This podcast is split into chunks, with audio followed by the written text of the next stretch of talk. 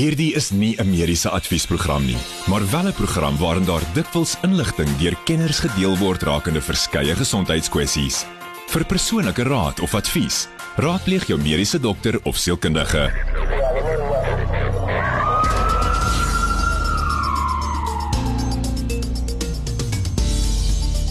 Maar welkom is Klein Saterdag. Ek is Pieter Kloete saam met dokter Jaco van die kerk. Jaco, hallo. Haai Pieter, goeienaand almal wat luister ook. Sien dit is uh, lekker te sien jy ook nog uh, spring lewendig en gesond is. Jy weet, um, uh, ons het laasweek bietjie gesels oor die COVID-19 getalle wat bietjie afgekom het en die meer en vanaand het ons 'n lekker profil program. Um, ek gaan binnekort 'n um, bietjie met dokter Kotter gesels oor hy trek wat hulle gedoen het by Iswatini en dan bietjie later ook dan oor 'n uh, bietjie van dankie sês en vaksines of enstowwe. Ja Pieter, ek dink ehm um, ons wil eintlik dankie sê vir vir wat Groot FM ook gedoen het ehm um, in die gemeenskap met die met die hospitale en en die ondersteuning van die gesondheidswerkers. En dan uh, later ja oor die vaksines. Ons het 'n professor hier wat ehm um, klaar gevaksinereer is en ek sien nog nie enige snaaksigheid in nie. en sy praat nog Afrikaans, so dis nou nie enige Chinese soos dit uitgekom het nie. So bly geskakel vir dit ehm um, net hierna. But on the line it's a privilege to chat to uh, Dr. Christian Kutter. He's the de deputy head of the department of uh, ENT HNS and um, at the University of Pretoria as well. And he recently did an outreach and we're going to talk about him. Uh, good evening, Doctor. Good evening. How are you? Uh, thanks for giving me the opportunity to talk to your listeners. No, thank you, Doctor. And um, you know, when I got your media release, I was quite intrigued, you know, to see that you know, despite you know all the the obstacles like COVID nineteen, you know, there's there's still great projects, you know, of reaching out to other countries uh, and you know also teaching staff there. So that's why I want to start off by asking, um, how did you meet Dr. Wamba from um, Iswatini? Well, Dr. Humba, actually, I met a few years back when uh, we had a uh, we do uh, um, courses to to teach doctors how to do uh, the surgery that I do, and uh, this one was held at uh, Sunskill in Stellenbosch University at, at Tigerberg Hospital, and so that is where I met her first. That was actually a course that was sponsored by Medtronic, the company that, that provides a lot of the equipment. And um, this course was aimed only at doctors of sub Saharan Africa. And so that's the first time that I taught her. She then subsequently came to uh, the courses that we do at the University of Pretoria, which again uh, partially uh, supported by Medtronic and some of the other uh, um, suppliers of, of equipment that, that are quite important to what we do. Yeah. And she also works uh, in the remote hospital of Mbabani in the government hospital there. Um, and that brings me to my next question. You know, patients often have to travel very far for very specialist care, you know, especially when it comes to places like Mozambique and, uh, and those areas. Um, how important is it, you know, for um, to, to reach out, you know, and, you know, teach specialists, uh, you know, new techniques and also doctors in remote areas? You see, the thing is that uh, what we are doing as uh, um, actually job description that, that I have as a rhinologist, which means that I'm involved in surgery of the nose, as well as a surgeon for the sinuses and the anterior skull base. Now, we deal with diseases that are not that common, um, which is fortunate, but um, therefore the patients have a difficult to access these services. But in South Africa, there is only two centers that actually in the state um, offer these services, which is uh, uh, um, Cape Town and us up here at uh, in Pretoria. And so we provide the teaching as well. It is important that we teach um, doctors from north of our borders uh, um, up to a certain level. Um, so that, that patients have it easier to access this. From a certain level, they will still need to travel then to the big centers, as I said, that's Cape Town and us in, in Pretoria. Yeah. And how important is equipment, uh, you know, when it comes to these difficult and specialist operations? Well, this is actually a very good question because it allows me to uh, uh, uh tell you that without if you don't give me the tools, I can't do my job. Mm. If you don't have a microphone, you can't talk to your listeners. if I don't have the appropriate tools, it becomes very difficult for me not only to teach people, but also for myself to do uh, uh, the job that, that I am tasked to do. So, uh, um, unfortunately, for us being a, a lower middle income uh, uh, country, um, it is not that easy always to have the funds to get all the most modern equipment to uh, uh, uh, work and, and teach, especially as we are starting to do what we call a fellowship, which means we are now going to train super specialists, which means they're not only going to be trained as uh, specialist ENT surgeons, but as specialists in anterior base surgery and rhinology, which adds another two years to, to the training. But uh, um, if anybody uh, out there wants to uh, help us obtain better and more modern equipment, we would always be very happy to hear of them or from them. Sorry, that's my my um, little advertising blurb here. No, no problem. Because I mean, you know, ENT by itself is a very specialist, and you don't hear uh, that there's. I mean, even Dr. Jakub van Niekerk previously in an interview uh, said that you know there's not a lot of ENTs out there. So, and that brings my uh, bring brings me to the last question. Um, where would you like to reach out next? Um, there's two things that we would like to do with this because this was kind of a proof of concept. We uh, went there to figure out is this actually a good idea to take the teaching to the doctor into their own theater, and it was a really great success. Um, so we will go back to to uh, Eswatini at some stage because we want to reach the next level with Dr. Aumba She's now ready, ready basically to take the next step in uh, the, the uh, uh, ladder that you require to uh, learn anterior base surgery. Um, and then basically what will what we've been looking at, there will be people that then will hear of this and then will come either to the University of Pretoria or to uh, uh, one of the companies that supports this program, and we will talk to them and see where we can take it.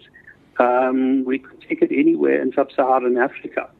And we can not only do uh, uh, uh, sinus surgery, um, you may be aware of, of my head of department, Professor Chifularu, mm. who uh, uh, is developing uh, innovations in, in, ear surgery. So he's another one who is prepared and, and happy to go out and teach his part of ENT. So um, it, it's, it's more than just what I'm doing. And, and, we're hoping that we get people that will ask us, please uh, come and, and, and do more of this. Uh, Dr. Kutte, thank you so much for your for your time, and also thank you for you know reaching out and, and teaching other people the skills. And I'm looking forward to chat to you again about your next expedition out there. Well, I'll be looking forward to talking to you and your listeners. Thanks for having me.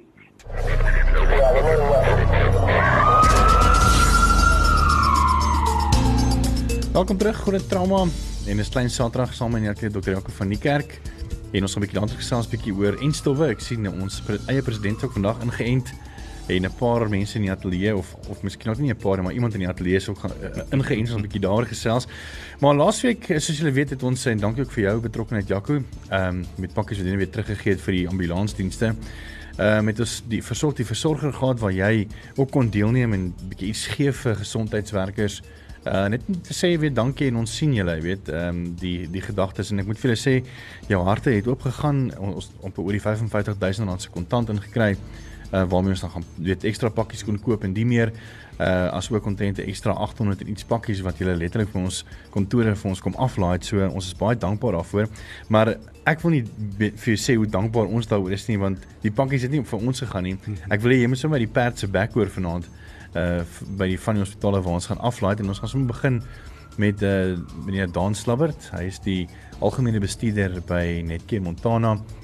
En uh Jaco dink ons daar afgelaai het, het die ouens dit nogal baie waardeer dink ek. Ek dink is ongelooflik um wat dit vir die moraal doen van 'n hospitaal. Ek weet nie, ek dink meneer Slabbert gaan dit meer meer in detail kan verduidelik. Um maar ek dink meeste van die gesondheidswerkers en dit sluit almal eintlik in. Ek wil amper sê nie net die voorste linie gesondheidswerkers nie, maar van die skoonmakers dwarsdeur tot die tot die konsultant of spesialiste in die in die ICU.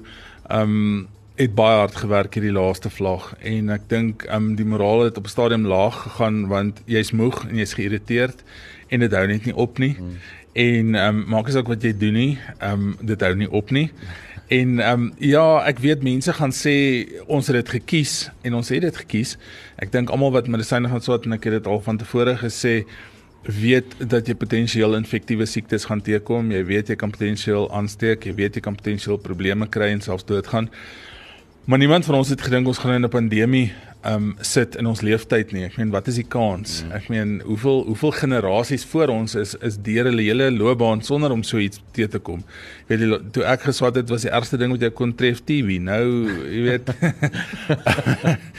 so ek dink die goed het baie verander en ek dink daar was heeltyd stres en en spanning onder die onder die personeel almal betrokke en ek dink dit het regtig 'n groot um bydrae gelewer om net bietjie te weet dat die mense daar buite omgee. Mm. Weet nie Dan?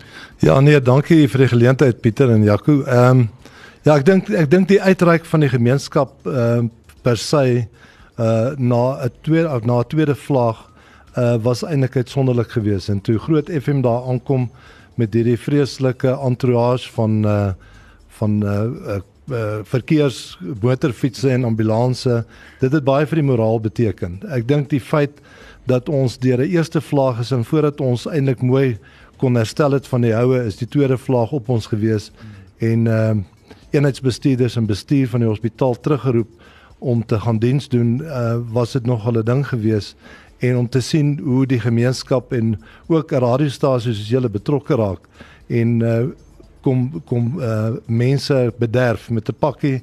Wat 'n ou sal dink dit is dalk nie so die moeite werd nie maar elke ding wat wat 'n verpleegster en 'n en 'n gesondheidswerker ontvang wat iets het om te eet of te drink word altyd baie goed ontvang en word met groot dankbaarheid ontvang. So dit het baie goed gewerk en uh, die mense was baie dankbaar en dit tog iets vir die moraal van die staf beteken. Ek, ek weet ons het nou die veld toe gedoen vir sorgie versorger, maar daar was baie kerke ehm um, mense wat letterlik eintlik weet nou, aan geen kerk spesifiek behoort nie, maar net al voor julle hospitale kom staan en dan vir julle bid. Ek meen, was dit nie ook vir julle half iets spesiaals of miskien ook 'n bietjie vreemd nie? Uh dit was dit was redelik vreemd geweest. Ek dink 'n ou dit in Italië gesien waar geestelike groepe uitgereik het na hospitale toe en dit was ons het nie gedink dit gaan by ons gebeur nie. Hmm. En toe dit wel gebeur dat van die geestelike groepe van al die denominasies van kerkgroepe het by die hospitaal vergader en het lofprys om kom doen en vir die staf gebid wat 'n verskriklike groot impak gehad het op die staf omdat omdat die ouens redelik vuisfoos was hmm. en ons deur hierdie ding moes gegaan het. Uh het dit vir hulle baie beteken. Ek meen ouens soos byvoorbeeld die polisie, die krisissentrum uh van Montana of Silverton krisissentrum het uitgereik. Waar hulle die ouens is wat ook baie keer hulp en ondersteuning nodig het, het hulle uitgereik na die hospitale toe. En het hulle ons kom ondersteun en hulle het dit goed gekoördineer waaroor ons verskriklik dankbaar is. Van van alle fasette van van die van die samelewing het uitgereik en by die hospitaal uitgekom en die mense kom bederf uh elke oggend vir hulle koffie gebring, iets om te eet wanneer hulle aan diens kom en wanneer hulle af van diens afgaan. Uh so dit dit het regtig vir ons baie beteken. Hmm. Veral deur 'n baie moeilike tyd, soos dokter Jaco gesê het. Uh ons het nooit gedink ons gaan in 'n in 'n pandemie ingaan nie. Ek meen jy werk by 'n hospitaal die die normaal gaan nooit weer die normaal wees nie want 'n ou ou stap met 'n met 'n mombakkies op die gesig wat jy eintlik gesigloos is wat uh tot 'n groot mate ehm uh, psigiese probleme vir nog 5 jaar verder gaan teweegbring as gevolg van die die feit dat jy eintlik agter 'n masker wegkruip die hele tyd en wat jou persoonlikheid verander. So waar daar hierdie warmte en uitreiking van die gemeenskap soos van julle ook die geval was gebeur, bring dit tog 'n bietjie weer menslikheid en meelewendheid terug na die omgewing toe. Ja. Ek weet by Montana en ek, ek praat onder korreksie het ons amper oor iets soos ek dink 350 of 400 pakkies afgelaai mm. en dan by 'n plek weet soos byvoorbeeld Steve Biko in Twenty District waar dan die die hoof COVID hospitaal in Pretoria as mense kyk na na ehm um, regeringshospitale uh oor die 800 pakkies professor Oekerman wat by Steve Biko betrokke is Ehm um, ek weet julle werk letterlik op skofte en as jy miskien vir, vir ons kan verduidelik dis letterlik van 7 dae aan 7 dae af is dit nie of of hoe werk dit min of meer? Ja, goeienaand. Uh, ons is 'n verwysingshospitaal. So daar is natuurlik soos die nommers opgegaan het meer en meer mense het ons meer en meer skofte gewerk. So daar's verskillende uh, tipes dokters wat werk en uh, volgens dit jy weet is hoe lank jy werk in die eenheid. So party van ons het 7 dae en nagte in 'n ry gespoed, maar ons is gespoed as konsultante. Dit was gelukkig nie die hele tyd binne nie, maar 'n goeie paar ure elke dag binne en die hele tyd jou foon geantwoord. Ek dink op die piek het ek 130 oproepe 'n dag hanteer. Sure. So dit is baie besig.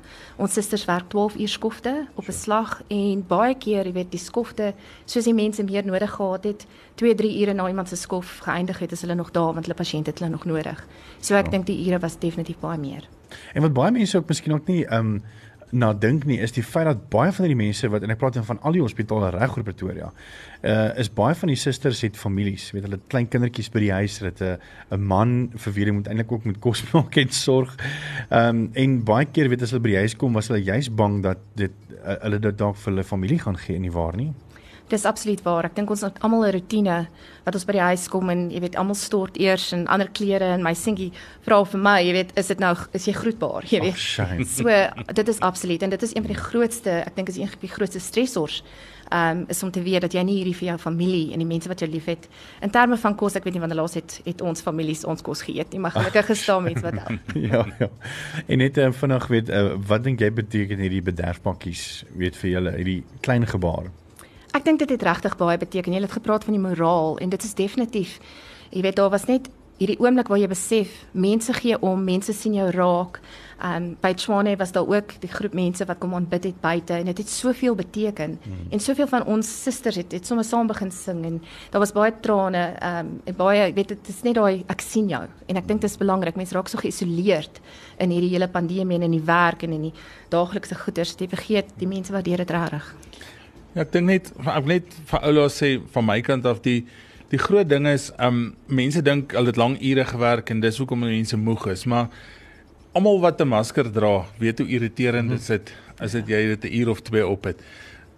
Dink net jouself in jy het nou 'n kappie op, jy het 'n masker op, jy het 'n visor op, jy het 'n jas aan en jy het waarskynlik een van daai jasse aan wat ook nie lekker wil asemhaal nie. As jy my lyfie het en jy moet nou die hele dag daarmee rondloop in 'n een eenheid wat warm is, mm. dan is jy fisies uitgeput, jy voel gedihidreerd later, soos jy sweet. En, ek dink daai daai emosionele sy saam met die fisiese uitputting want jy jy kry warm vir mm. vir 8 of 10 of whatever ure jy werk. Um is 'n ongelooflike dreinerende tipe van situasie wat jy jouself in plaas. Ek is baie dankbaar dat dat ons ook die geleentheid gehad het om aan saam te gaan elke na die hospitaal toe en ek ek moet vir jou sê Jaco, jy's nogal spot on. Ehm um, ons span was baie braaf geweest. Ons het maar besluit om ook maar uh, volle PPE aan te aan te trek net vir ons eie beskerming natuurlik ook vir die beskerming van van die ehm um, gesondheidswerkers. En die eerste maandag het ons letterlik ons het ge, gedon soos die die regte mediese woord nou is, weet, met ons full PPE en toe pakkies gepak. Maar dit was die laaste. Ons het letterlik van Dinsdag af tot Vrydag gehad eers pakkies gepak en toe gedon. Ja, nee. Want ek verstaan presies wat jy sê. Want dit dit dis net 'n dit is ongelooflik. Ek weet nie ek weet nie hoe doen dit nie. En selfs eh, ek meneer Slawert kan nou sê van van hulle kant af ook. Um ek erken hom amper nie eers in die hospitaal loop nie want daar's te veel goedjies aan hom. Jy weet, hmm. kopgoedjies en en masker en goed. En en dis lastig. Dit is hmm. regtig lastig. Jy kan ook nie regtig met mense kommunikeer nie want mense moet 'n gesigsuitdrukking sien om te sien wat jy dink. En as jy net iemand se oë sien, dan weet jy nie of hy vir jou kwaad of is hy gelukkig of wat is hy nie, maar ja. Ehm um, ek dink dit maak 'n groot verskil. Ja. En ek dink ook dan die feit dat weet ehm um, dat jy nie altyd die die, die kans en die geleentheid kan hê om dan buite te gaan vir die mense te gaan dankie te sê want dan beteken dit jy moet letterlik nou eers weer dof beteken alles weer uittrek, gaan dankie sê en dan eers weer jouself half ehm um, uh, steriliseer en dan weer dan met al die goed en dan weer ingaan. So bety, ek dink dis ook miskien nou 'n geleentheid dat jy nou half sommer op radio wil kom sê dankie vir almal. Ja, nee, ek, dit is die die geleentheid wat ons graag wil gebruik.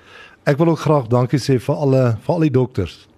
Uh 'n ou soos dokter van die kerk uh in in die ED het de, hulle het emosioneel baie goed beleef. Uh, baie erger goed beleef. Ouens wat dood gegaan het in die eenheid uh die een na die ander en hulle moes dit hanteer. Hmm. Uh dieselfde met die spesialiste binne in die hospitaal. Die ding wat vir ons die ergste was en wat 'n ou sien gebeur is dat die staf was die enigste familie eintlik van die pasiënte wat binne in die hospitaal is en hulle het met hulle vereenselwig. So is daar 'n 'n pasiënt dood gegaan het, het hulle die hele geskiedenis van daai pasiënt geweet. Hulle het geweet daai daai persoon het het kinders gehad, het 'n man en 'n of 'n vrou gehad en dit was soos 'n familielid wat oorlede is wat in die hospitaal dood is. So 'n uh, 'n persoon wat uitgestap het was 'n oorwinning geweest en het hulle erewagte gestaan en gesing vir daai persoon wat uit die hospitaal uitkom. So die emosionele betrokkenheid was was baie intens en baie erg geweest. En dit maak dat 'n ou nog soos Jaco gesê, dit maak jou nog meer moeg en uitgeput, hmm. nie fisies nie, maar emosioneel. En ek dink emosionele uitputting is waarskynlik 'n ding wat jou baie moer maak as iets enigiets anders te. Ek slaan eerder klippe as wat ek emosioneel gespanne is en heeltyd moet moet bekommerd wees oor goed wat gebeur.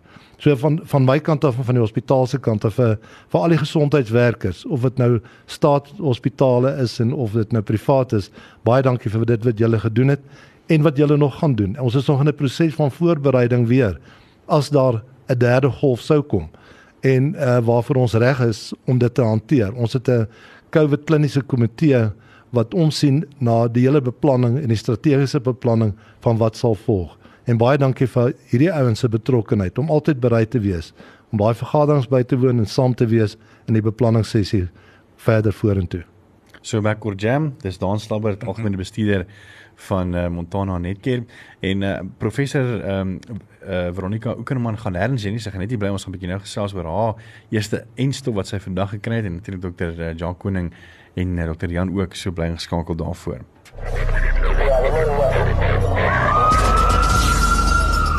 Ons groot drama in Sentrasie 14 minute weg van 9 uur af en ons het nou verskeie ander persone wat ook in die ateljee is. Baie welkom aan julle. Jaco, jy kan ons moet voorstel vir ons as jy wil. Ja, Pieter, ehm um, ons het ek het gelukkig nou twee baie baie baie geleerde kollegas aan die ander kant van die tafel. Ehm um, vir professor Okerman het jy nou klaar ehm um, bekend gestel maar Dr. Jacques Koning is terug. Baie welkom. Dankie. En Rian Bosman wat dan die ek wil amper sê baas van die apteek by Montana Netcare Hospitaal is wat bietjie vir ons gaan uh, ook meer vertel van die van die vaksin en hoe dit van die apteekkant waarskynlik dan bedryf gaan en kan word. Hmm. Ehm um, maar ek dink ons kan begin met uh professor het vandag die uh die vaksin gekry. Ek het ja. En daar en daar is nog lewe. Hier is nog lewe. Ek staan en ek's baie bly ek het hom gekry. So. ons sien nie ons sien nie enige merke nog nie en niks outisme het al kop uitgesteek nie. Nee, dis nog steeds ek my DNA is my eie so so ver so dit goed.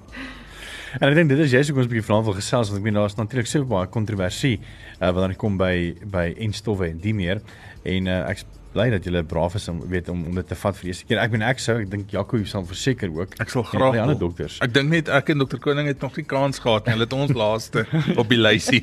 ja. Maar vertel ons 'n bietjie meer oor hierdie Johnson & Johnson vaksinne van wat jy weet, uh, Jacques. Want um, ek dink ek dink die waar waar die eerste misstap plaasgevind het, ehm uh, en mense moet aan die publiek verduidelik is ons het daai 1 miljoen AstraZeneca ehm um, of die Oxford vaksin ontvang.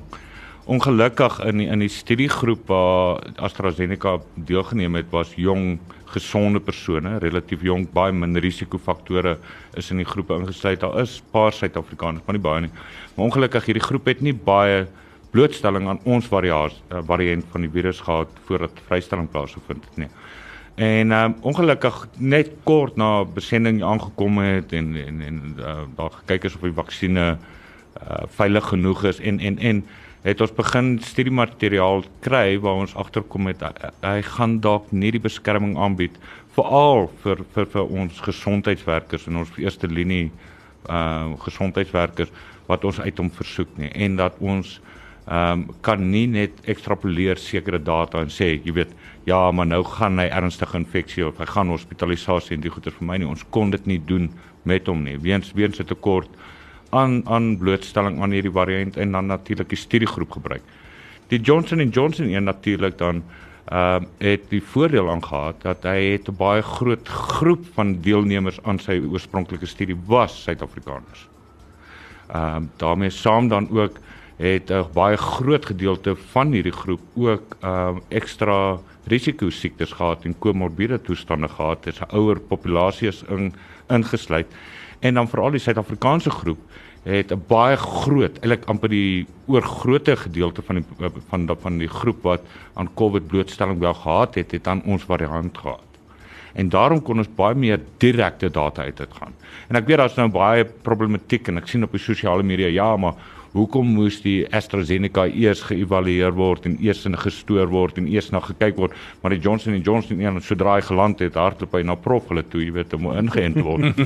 en dit juist vir hierdie rede. Hmm. Ons het direkte data. Dit waar met die AstraZeneca was dit meer indirekte data, meer afleidende data wat wat gebruik was. Ons weet hy's effektief. Ons weet ons gaan uit om kry wat ons vir gesondheidswerkers uh um voorwens. En um ons hoop nou maar net dat hy vinnig genoeg daai vliegtye kan 'n bietjie vinniger vlieg, jy weet. Is ek reg om te sê dat ehm um, hierdie uh Johnson Johnson uh instoor wat nou in Suid-Afrika gekom het, is ook maar eintlik deel van ehm um, Johnson Johnson se verdere fase 3 ehm um, studie trial uh om doodseker te maak dat dit ook nou werk met die met die ander variant wat in Suid-Afrika is? Pieter, ek dink ja en nee. Ehm um, ek dink ons het genoegsame data om afleidings te kan maak. Jy weet 'n uh, uh, veilige afleidingsvang te kan maak, beskermingsberekening te kan doen en te sien dat dit 'n veilige en toepaslike middel is vir vaksinering. Maar natuurlik ehm um, ek dink ek is ook van belang dat persone moet verstaan dat dit gaan 'n aanhoudende aanrollende ehm um, ehm um, studie program wees waaraan blootgestel is. En ehm um, Ek dink die mees belangrikste hierso is, is om te onderskei. Nee, mediese werkers is nie uh, wat is guinea pig in Afrikaans? Uh, proefkonyn. Ja, proefkonyn. Ja, ek sê nou die ek dan vir jou gesê ek hoop nie gebruik jy ons woord nie. Kom ek nou so baie pragtig te vore. Maar um, nee, mediese personeel, eerste linie werkers, nee, hulle is nie proefkonyne nie. Ons het genoeg stel met data om te bewys hulle is nie proefkonyne nie. Mm. Maar hulle gaan waardevolle inligting vir ons kan verskaf langer termyn oor oor ehm um, wat ons kan verwag van hierdie vaksinerings. Ek en prof Okerman het so 'n bietjie van lig af gesels oor weet oor die die logistieke agter hierdie enstowwe en die meer. Ek dink miskien Rian kan jy vir ons bietjie meer weet van hoe hoe rol mense hierdie uit en Ten minste so baie Suid-Afrikaners moet ingeënt word. Ek meen, hoeveel kan 'n mens hoe, hoe, hoe sou jy dit uitsien nou nou weet met die verspreiding van van hierdie vaksinne? Pieter, Pieter ja, goeie aand almal. Ehm uh, die stadium is dit uh Dis 'n nikkie vir ons, ek dink in Suid-Afrika om uh, 'n uh, vaksin uit te rol en te kyk hoeveel mense kan ons in 'n kort tydperk vaksineer.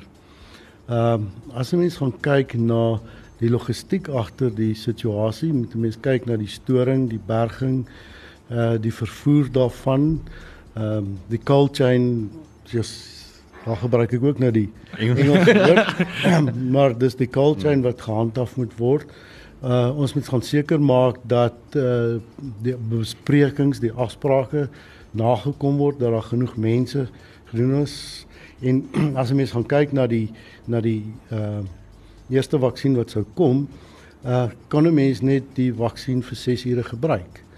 Uh en jy kan net 10 dos doserings uit die vaksin uitkry. So mens moet seker maak dat jy wel 10 persone daar het want die vaksin is so kosbaar dat jy nie regtig 'n vermorsing in die vaksin moet veroorsaak nie. So uh, by Montana het ons gelukkig na die fasiliteit uh, en die geriewe om seker te maak dat daar wel die hoeveelheid mense gaan wees dat daar nie doserings gemors kan word nie. En as ons gaan kyk na ons reëlings en logistiek ten opsigte van ons healthcare workers en ons frontline werkers wat gevaksinereer moet word, ek dink is almal so opgewonde kan nie wag dat ons die tyding kan gee die vaksin het gearriveer is jy reg daarvoor. Hmm. So as jy gaan die gange stap in Montana is almal bly wanneer kom dit? Het jy al enige nuus vir ons? Wanneer arriveer dit? Al daai soort van goeie. So ek dink daar's 'n groot opgewondenheid by Montana oor oor die oor die vaksin wat ons beskikbaar gaan hê. En is al van my kant af net is daar geheimhouding oor wanneer dit gaan kom of is dit maar net doodnoodig omdat niemand weet presies wanneer sê 'n hospitaal soos ons en dit sal kry nie. Jakob om die eerlike waarheid te sê, ek dink daar's geen geheimhouding ten opsigte van die vaksin. Ons het almal hmm. in die media gesien die vaksin is hieso soos prof vaksin is by Steve Biko wil dit ingeën. Ons wag maar net om te sien wanneer gaan dit afgelewer word. Hmm. En groot vermoede is ons gaan dalk binne in die volgende week hmm. gaan ons die reëlings kan tref by Montana as alles loop volgens plan. Uh so ja, sien baie uit daarna en ons hoop almal wat toegang het tot 'n vaksin kan wel gevaksinereer word. Hmm. Ek ek dink van van alle negatiewe goed wat 'n mens nou kan sê oor ons presidentsie en uh hoe die uh, gesondheidsdepartement weet uh, goed kon gedoen het of beter kon gedoen het, wil ek tog sê dat ek dink hulle het 'n ongelooflike uitstekende werk gedoen wanneer dit kom by by veral met die ehm um, met die enstowwe. Ek meen dis nie 'n maklike saak nie. Ek meen ons verskeie lande wat baie meer geld het as Suid-Afrika. Ehm um, wat natuurlik weet vir ons kon uitgestoot het gesê nee, maar tog het hulle deurgedruk en ek dink ook die die ehm um, ek dink hierdie is ook 'n bewys met die Johnson & Johnson enstof dat ons is gegeer en ons ouens is reg om om die verspreiding te kan doen as mens kyk na net wat vandag weet amper ek wil nou net maar sê foutloos gebeur het. Ehm um, so ek dink daar's definitief hoop en ek ek wil nogal vir dokters Willem Kiese vanaand bietjie sy blad skud en vir hom sê weet jy wat nê nee, goed gedoen. Stem jy saam? Ek stem werklik saam. Ek dink daar's goeie beplanning gedoen, goeie effort ingesit in die hele situasie. En ja, mag ons Suid-Afrikaners almal gevaksinereer word. Ek wil graag vir die prof vra. Daar's 'n groot persentasie van mense wat anti-vaksin of anti-vaxxers is. Hmm. Wat se boodskap kan iemand wat dan nou die vaksin al gehad het vanaand vir hulle gee om hulle te oortuig om daai vaksin te gaan kry? ja, so ek ek was heel eerste in die lyn om hierdie vaksinne te kry. Ek dink meeste van ons wat ek nie met COVID werk en hierdie pasiënte gesien het, was regtig soos jy gesê het opgewonde om hierdie om hierdie vaksinne in die hande te kry. Hmm. Ek dink ons kan regtig vertroue hê in ons wetenskaplikes en wetenskaplikes ons prosesse. As jy dink Sondag 'n week terug die AstraZeneca data is bekend gestel. 'n Week later is daar 'n protokol waar ons J&J kan gebruik en 3 dae later het ek my vaksinne. Dit is eintlik ongelooflik. Die proses is daar. Ons wetenskaplikes was dadelik daarop om te sê, jy weet, gaan dit werk in ons variant. Ek dink daar's ook baie groot name en mense sê dit hierdie het vinnig gebeur, maar hmm almal in die wêreld staan nou saam mm. om hierdie pandemie te beveg. En ek dink jy weet al die wetenskaplikes saam werk baie hard om hierdie te kan kan doen. En ek dink die daar's twee dinge van die vaksinne wat mense regtig moet dink jy weet die enigste is dit veilig en daar het ons uitstekende data. Mm. en die ander een is is dit effektief mm. en met J&J het ons effektiwiteitsdata. Mm. so my familie my almal vra vir my sal ek my my kind vaksineer sodra kinders kan? Ja. So ek dink ons moet bietjie net vertroue in. Die mediese is nie uit om jy weet dinge weg te steek of niemand het data weggesteek. Hierdie is die feite is op die tafel. En uh, as ons gewillig is om te vat dan ek dink almal almal wat kan moet hierdie vaksinne kry. Mens kan nie beter sê nie. Ja, verseker nie. Ja, ons het ongelukkig nie baie tyd nie en ek in in 30 sekondes, Reen, ek wil nog vir jou hierdie vra. Ehm um, met die 'n rollout van die van die Johnson & Johnson en stof, is daar ook 'n 'n ding wat wat half trek hou en data hou, amper soos 'n sagte ware of of so 'n stelsel, weet nie of jy bewus is daarvan nie of gebruik dit en gaan dit doeltreffend gebruik kan word om dan te trek? Ja, Pieter, ons het 'n hele stelsel wat uitgerol gaan word ten opsigte van eerste prosesloop ons doen 'n maak 'n afspraak. Ons doen die veiligheidschecklist of data ons doen die konsentvorm. Pasiënt of die healthcare werker stap na die vaksineringsstasie toe. Daar word die vaksin dan toegedien en direk daarna laai ons die data op 'n nasionale program van Jaco is gevaksineer, persoon A is gevaksineer. Men ons werk op 'n ID dokumentstelsel 'n scanner wat ons al die data registreer.